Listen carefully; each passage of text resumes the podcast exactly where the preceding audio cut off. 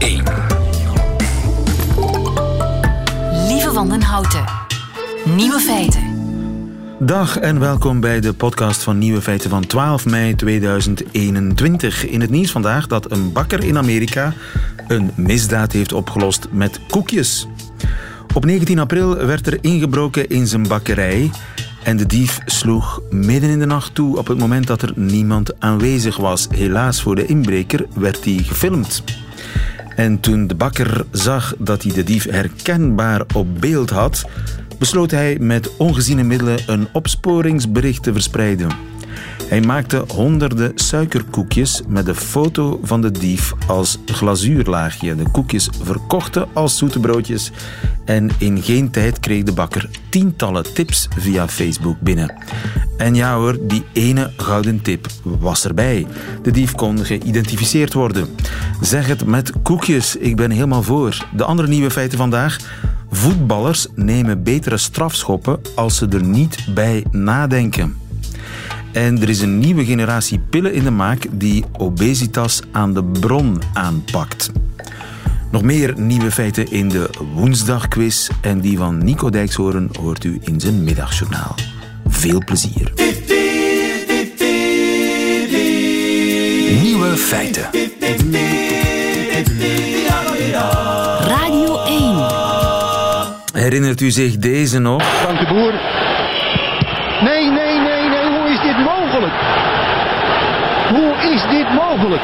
Hoe is dit mogelijk? De legendarische misser van Frank de Boer op het EK in 2000 in eigen land. Zijn eh, tweede penalty-misser die avond. Het kostte de Nederlanders de titel en het is tot op vandaag een nationaal trauma. Helemaal in de stijl van de Italiaan Roberto Baggio in 94. Roberto Baggio, the saviour of Italy throughout this tournament.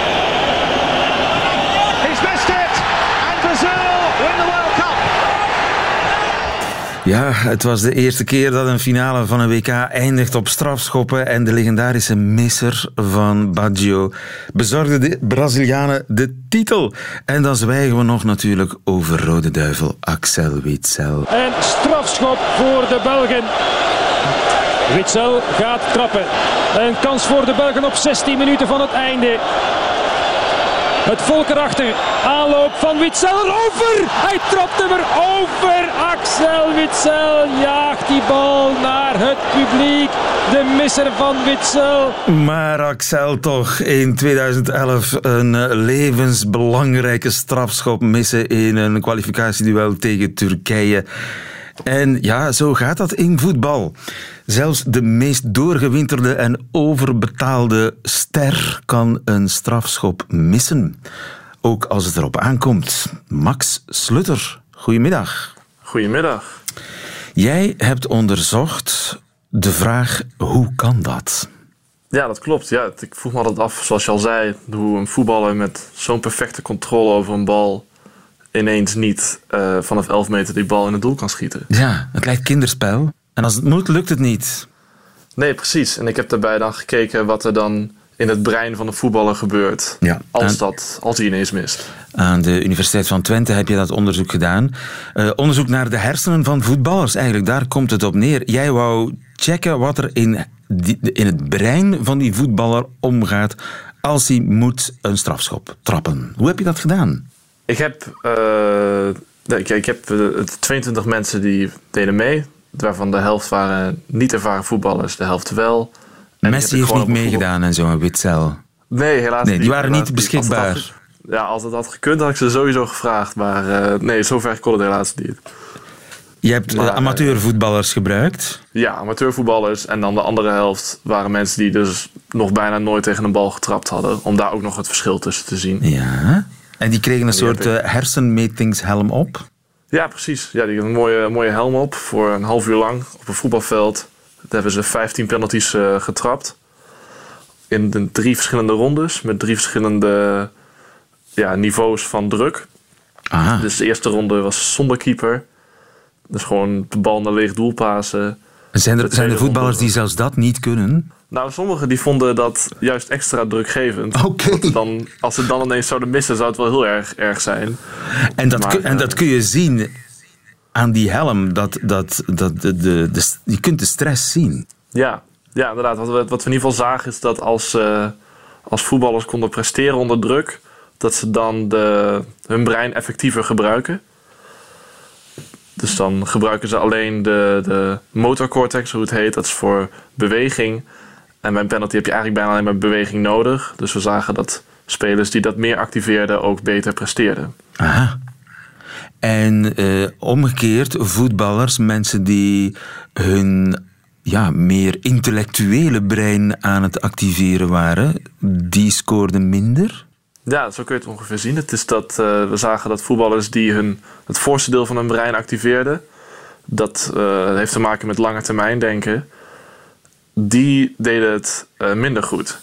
En wat daar misschien de reden van kan zijn, wat we denken, is dat door dat lange termijn denken, dat ze misschien denken aan de gevolgen van het scoren of het missen van die penalty, in plaats van de penalty zelf. En die druk, hoe heb je die opgevoerd?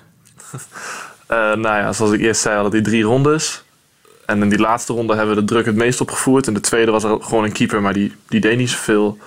En de laatste ronde moesten ze, net zoals bij een penalty shootout, vanaf de half meterlijn aankomen lopen.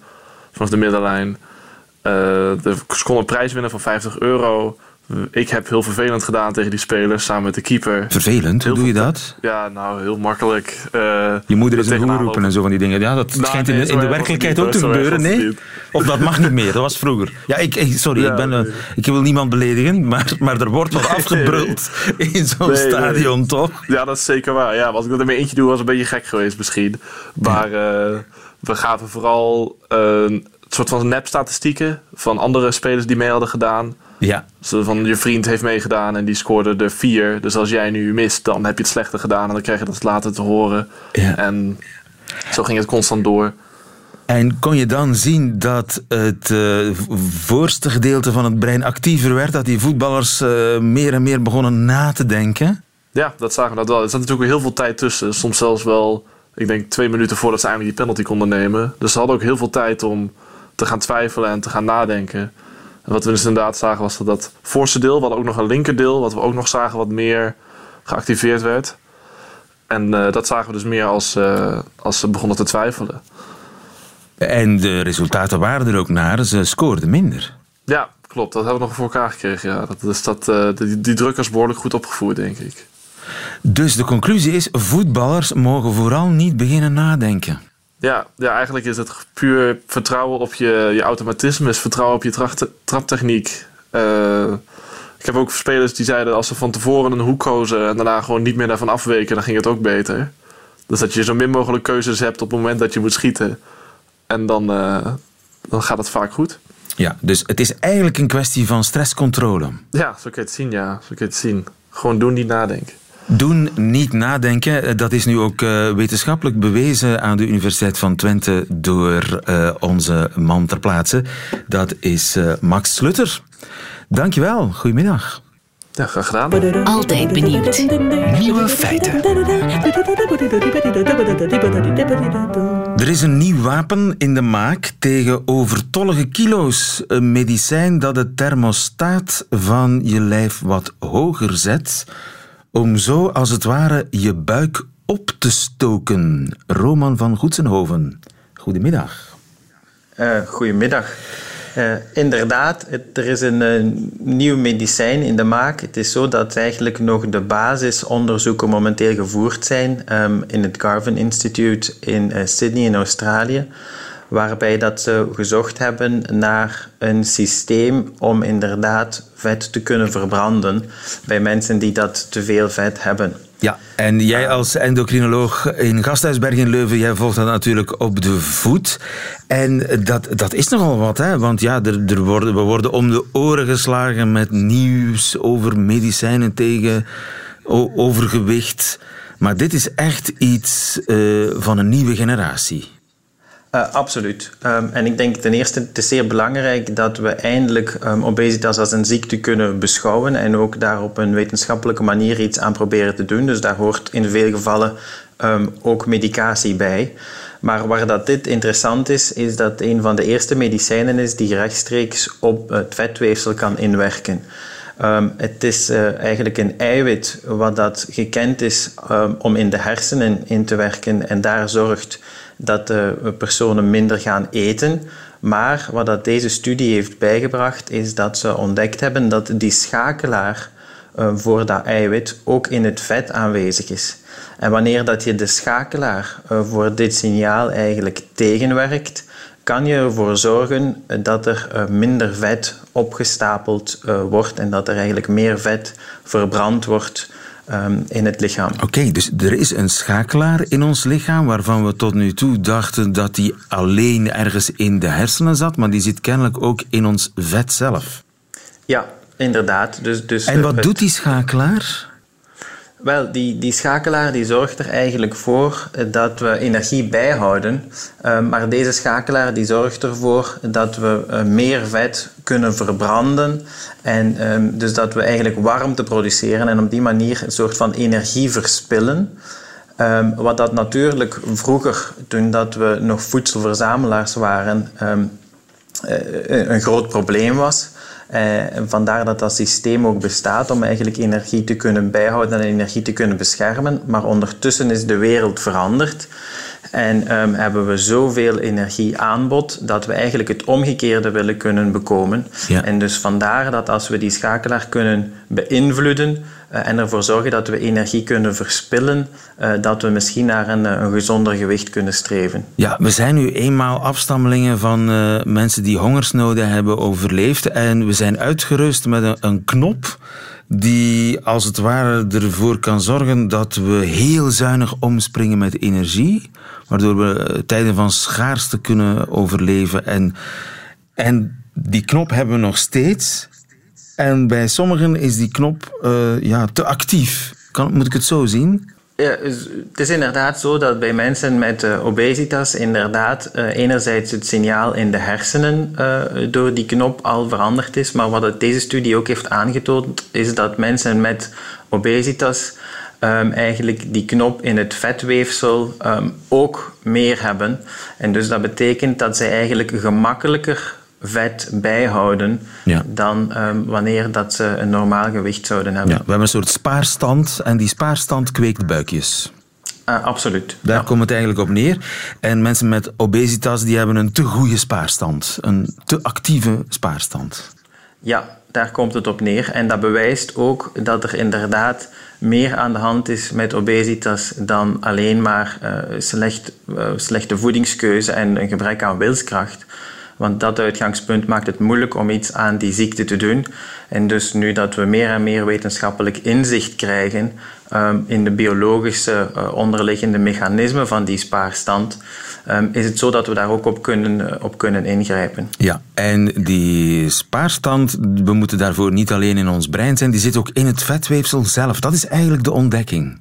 Ja, ja, want dit, uh, dit systeem was al wel langer gekend, maar de grote bijdrage hier van deze studie is dat die dus uh, die, die knop voor de spaarstand in het vetweefsel uh, aanwezig is. En in deze studie hebben ze bij muizen specifiek die schakelaar in het vetweefsel uitgeschakeld.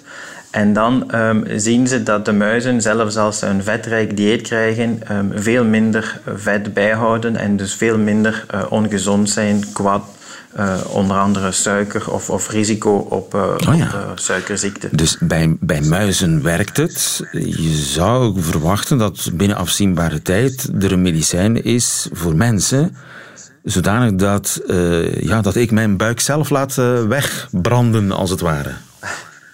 Ja, dat is alleszins wat we hopen. Hè. Maar natuurlijk, um, dat is iets waar dat we nog vele jaren van af zijn. Want het is niet omdat iets veelbelovend is in muizen dat het per definitie ook zal werken in, in mensen.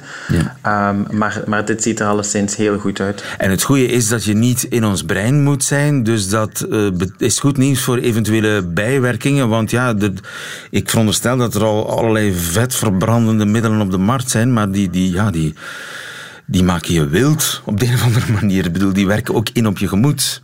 Wel, het is zo dat er inderdaad in het verleden al verschillende medicijnen ontwikkeld zijn um, om toch proberen um, gewicht te verliezen. En een aantal daarvan werken uh, op de hersenen. We hebben op dit moment trouwens in België nog twee middelen die daar werken en die veilig zijn en goed zijn. Maar in het verleden zijn er een aantal um, medicijnen geweest waardoor dat er uh, toch ook wel uh, nevenwerkingen waren in de zin van bijvoorbeeld depressie. Um, en aan de andere kant zijn er in het verleden ook al wel uh, medicijnen geweest die ervoor zorgen dat je vet verbrandt. Maar um, dat was, waren meestal medicijnen van het soort, uh, gelijk bijvoorbeeld amfetamines ja. uh, of schildklierhormoon, die dan wel vele gevaarlijke nevenwerkingen hebben, in bijzonder op het hart. Ja. En dit um, dit zou eigenlijk een aangrijppunt zijn wat dat alleen in het vetweefsel tot stand komt en hopelijk daardoor zo goed als geen nevenwerkingen heeft. Maar opnieuw, dit is een onderzoek in muizen, dus we zijn nog lang niet aan de situatie in mensen toe. Ja, eh, maar het zijn wel hoopgevende signalen die we krijgen vanuit uh, Australië, waar getest is op muizen om dit systeem toe te passen. Kan je daar een getal hebben het over vijf jaar, over tien jaar, als alles goed gaat, dat we een soort van ja, moet ik het mij voorstellen? Een spuitje, een pleister, een pil? Wel, gewoonlijk zou ik zeggen, um, het duurt vijf à tien jaar voordat een middel op de markt komt. Maar we hebben nu in de COVID geleerd, ten eerste dat obesitas een belangrijke risicofactor is, um, dat het een ziekte is en ook dat als we uh, wereldwijd samenwerken, dat geneesmiddelontwikkeling enorm snel kan gaan. Um, maar eerder dan vijf jaar zal het, um, zal het sowieso niet zijn voordat dit op grote schaal op de markt kan zijn, als het iets wordt. Um, en dan uh, hopen we dat het een, een pil zou kunnen zijn, omdat het toch veel gemakkelijker is dan een spuit. En, en daar kan ik alvast zeggen dat uh, de manier waarop dat ze bij de muizenstudies hebben gewerkt, is inderdaad via, een, via iets wat dat ingenomen wordt via een soort gel dat ingenomen wordt. Dus dat opent perspectief voor een pil, wie weet, binnen een jaar of vijf um, voor mensen. Hou het voor ons in de gaten. Roman van Gotsenhoven in uh, Gasthuisberg. Voor ons, goedemiddag. Dank u wel. Dag. Nieuwe feiten. Woensdag quiz. Hoort u de ernst in het uh, geluid van deze jingle? Dat is de klank van geld. 25 euro valt er te verdienen in deze nieuwe feiten woensdag quiz. Een boekenbon, meer bepaald, van 25 euro te verzilveren bij de onafhankelijke boekhandelaar aangesloten bij Confituur. En een van die kandidaten om die schat in de wacht te slepen is Julie. Goedemiddag, Julie. Goedemiddag. Julie Boeikens uit Lebbeke, waar was je mee bezig vandaag? Um, ik was, we waren eigenlijk net onderweg van school naar huis. Oeh, met de kindjes? Ja, inderdaad. En uh, die, die zitten allemaal mee uh, rond de telefoon geschaard om te steunen en te supporteren? Helemaal. En ja. hoe, hoeveel zijn het er? Uh, momenteel zijn het er twee, maar er is er eentje naar een verjaardagsfeestje. Ook goed. Um, de Ook elfjarige goed. en de negenjarige zitten hier. Julie, je speelt tegen Alex, of Alex, wat moet ik zeggen, Alex? Uh, zeg maar Alex. Alex uit Oostende. Alex, waar was jij mee bezig? Wat heb je laten vallen voor mij? Uh, ik ben uh, facturen aan het inboeken voor de, de zaak van mijn vrouw. Ik ben zo trots op je, Alex. ja, dank u. En dat, kan, en dat kan wel even wachten. Want wie weet kun je er 25 euro bij schrijven. Hè?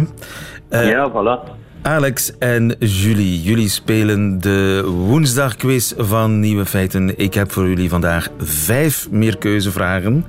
Ik begin bij Julie, die zich uh, het eerst heeft gemeld. En zolang zij juist antwoordt, blijft ze aan de beurt.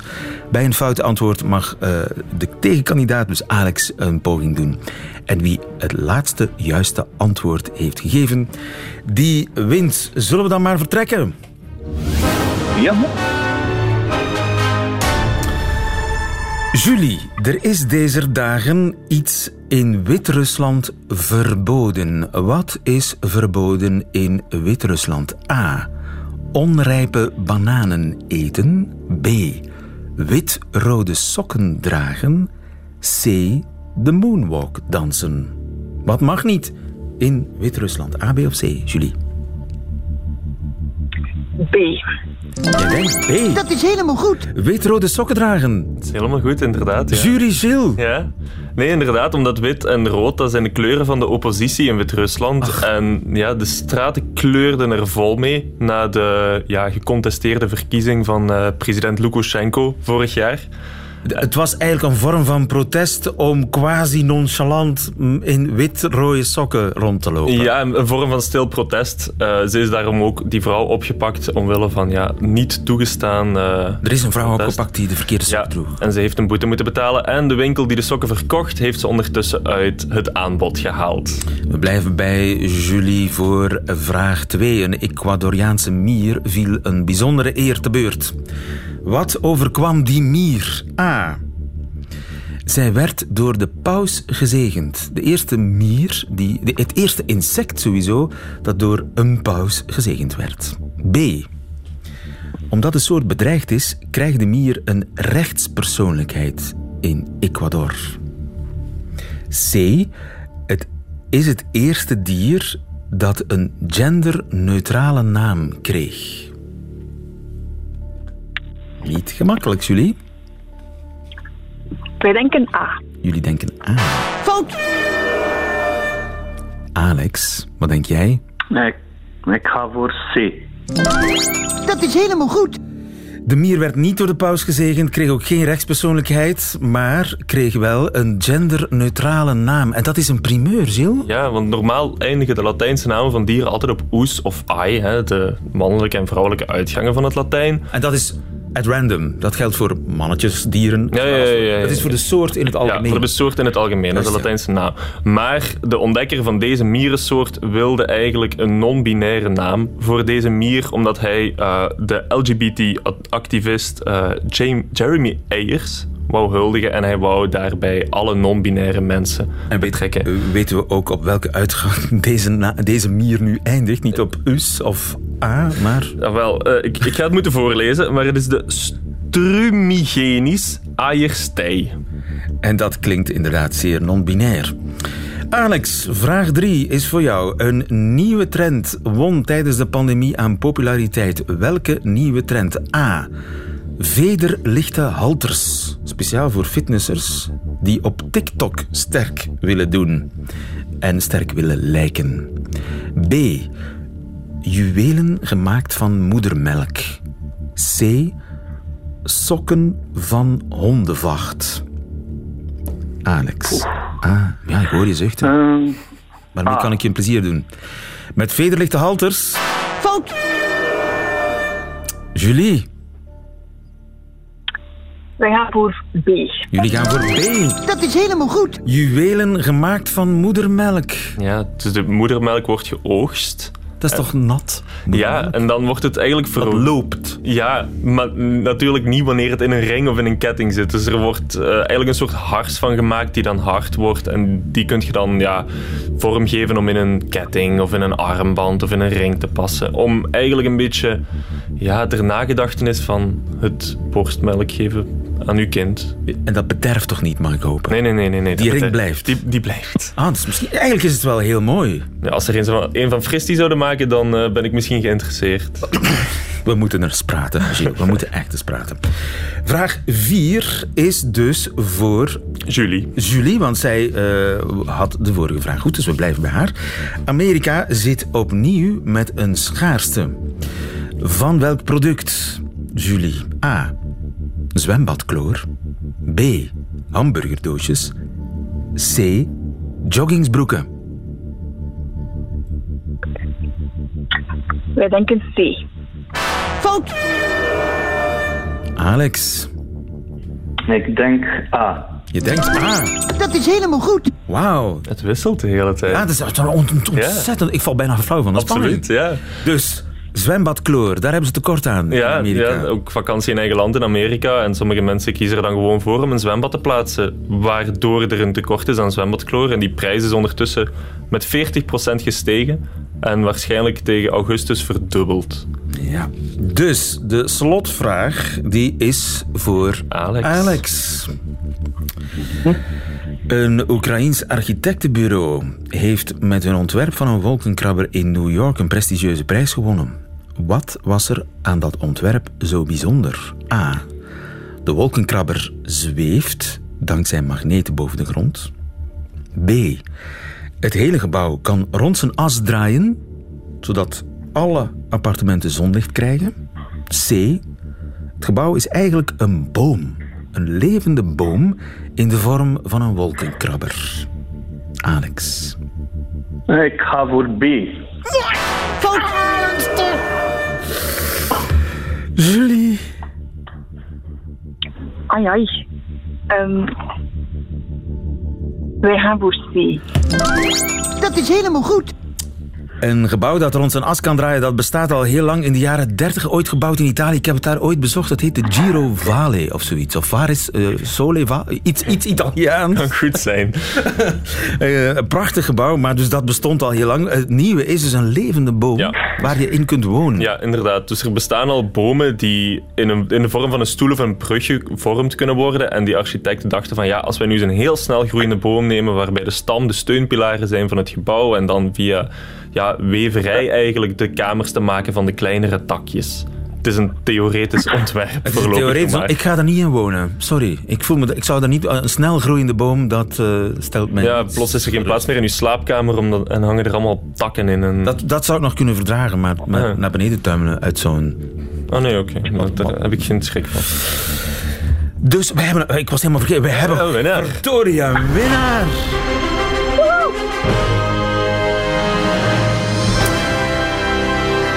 Julie Boeikens uit Lebbeke gaat naar huis met haar kinderen en een eh, boekenbon van 25 euro in te wisselen bij eh, Confituur. Weet je al wat je gaat kopen, wat je gaat lezen? Julie? Ja, hij is eigenlijk al aangeklaagd door mijn oudste zoon. Het zal een, eh, een boek voor hem worden waarschijnlijk. Een boekje voor de oudste zoon. Dat is, eh, is- is zeer eh, al- al- altruïstisch van jou. Julie, Alex, helaas eh, geen... Maar het was een heel spannende strijd en een heel boeiende strijd, Alex. Terug naar de facturen. Ja, geen probleem. Terug naar de Ja, facturen. voilà. Niets aan te doen. Maar iedereen die daar zin in heeft, die kan ook online de woensdagquiz spelen op radio1.be. Zeker doen. Nieuwe feiten. Ik heb nog een paar nieuwe feiten voor u. Op deze 12 mei. ING lanceert als eerste bank in België een betaalkaart met een inkeping. Een zogenaamde notch aan de rechterkant. En die moet het voor blinden en slechtzienden duidelijker maken langs welke kant de kaart in de geldautomaat past. Met deze kaart willen we elektronische betalingen en geld afhalen toegankelijker maken voor mensen met een visuele beperking en zo hun financiële onafhankelijkheid vergroten. Een kleine aanpassing in het ontwerp zal ongetwijfeld een groot verschil maken in het dagelijkse leven van onze klanten. Al dus een eh, woordvoerder van de bank. En binnen vijf jaar zullen alle ruim 4 miljoen debet- en creditkaarten van ING België met die inkeping zijn uitgerust. En daarnaast biedt de bank ook aangepaste pratende kaartlezers aan. In België heeft naar schatting 1 op de 100 mensen een visuele beperking. En door de vergrijzing neemt dat aantal nog toe.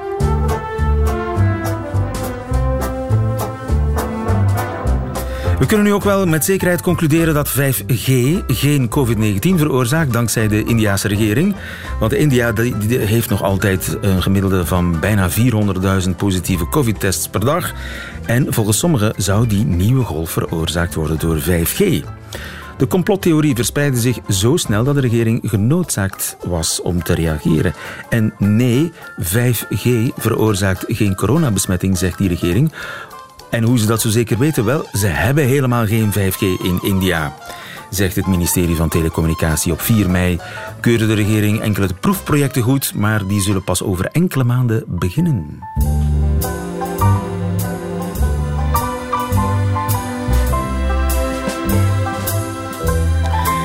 En nog een laatste nieuw feit uit Japan. Heeft u extra stimulans nodig om 's morgens op te staan? Dan is de nieuwe Japanse app Mezame, misschien een verbastering van Mezami, iets voor u. Het werkt heel simpel. Zet uw weglocatie vast op Google Maps. Kies een datum en tijdstip waarop u het huis uit moet. En bepaal hoeveel boete u betaalt als dat niet lukt. Vervolgens kiest u een betalingswijze en als u tegen de afgesproken tijd minder dan 100 meter verwijderd bent van uw startlocatie, dan worden de kosten in rekening gebracht. Nieuwe feiten. Dat waren de nieuwe feiten van 12 mei, woensdag 12 mei 2021. Die van Nico Dijkshoorn krijgt u nu in zijn middagjournaal. Nieuwe feiten. Middagjournaal. Beste luisteraars. Gisteren heeft onze minister-president nieuwe versoepelingen in het coronabeleid aangekondigd. En ik kan dat heel kort samenvatten. Alles mag weer, behalve naar kunst kijken. Je mag met een heel strak broekje om je ballen sporten in een zaaltje vol met zweet. Je mag met honderden tegelijk zakken potaarde uit tuincentra slepen. Je mag in het openbaar vervoer een hele bus vol hoesten. En je mag iedere avond met meerdere mensen dicht op elkaar talkshows presenteren.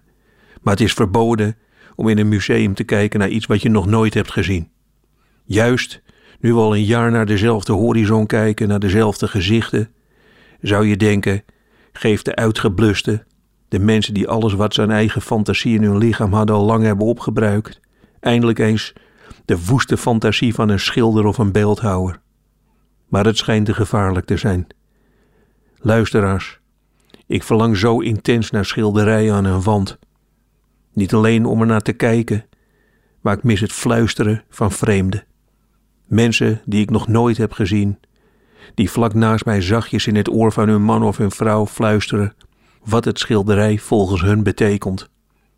Ik wil weer met wildvreemde mensen, mensen die ik nooit meer zal zien, voor altijd hetzelfde schilderij delen.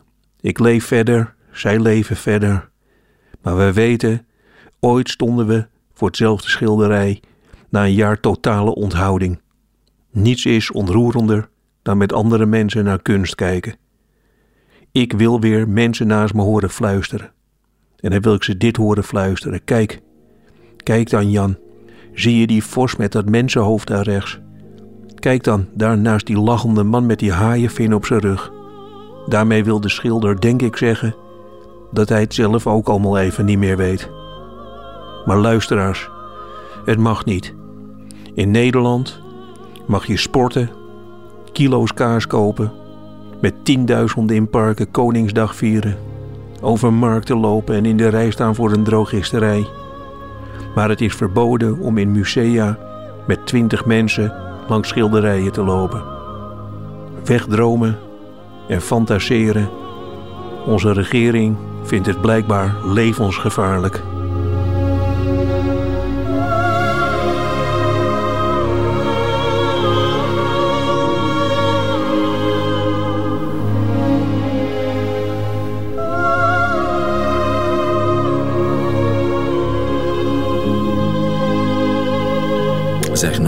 Dat België geen goed land is om in te wonen. Nico Dijkshoorn in het middagjournaal. Einde van deze podcast hoort u liever de volledige nieuwe feiten met de muziek erbij. Dat kan natuurlijk ook via radio1.be of via de Radio 1 app. Tot een volgende keer.